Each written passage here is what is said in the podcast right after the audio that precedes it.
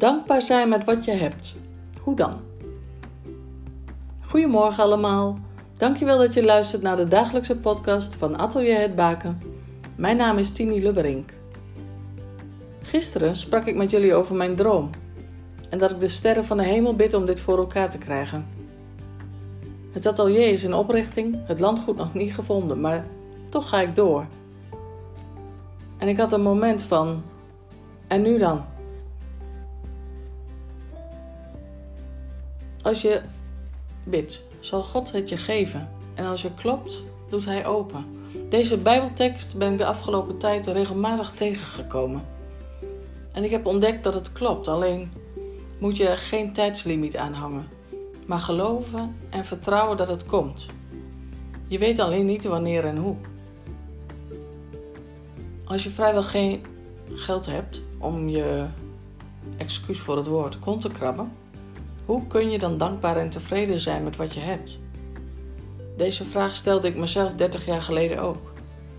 Maar de laatste jaren niet meer, want ik heb een dak boven mijn hoofd, ik heb elke dag te eten, mooie mensen om me heen waar ik voor mag zorgen en zo is er veel meer.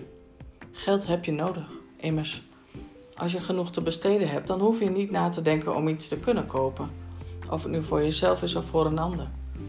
Je hoeft geen excuus te bedenken waarom je niet mee uit eten kan. Je hoeft geen verjaardag uit te stellen omdat je geen geld hebt om een cadeau te kopen en je daarvoor schaamt. Ik voel me rijk van binnen. En dat pakt niemand me af, maar dit rijk voelen heb ik in de loop van de jaren geleerd. Hoe heb ik dit gedaan? Ik ben op een bepaald moment begonnen met het opschrijven van gebeurtenissen, momenten, mensen waarmee ik erg blij ben En ik maakte deze lijst elke dag langer. Tot ik me gelukkig prees dat ik zoveel had om dankbaar en tevreden over te zijn.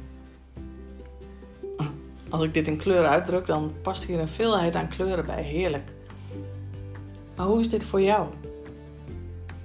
Ben jij tevreden en dankbaar met de mensen om je heen? De dingen, de spullen, het dak boven je hoofd? Of is dit lastig?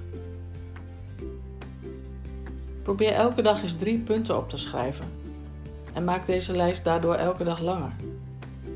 Of begin bij één punt per dag. Succes! God zegen voor jou en je geliefde. Tot morgen.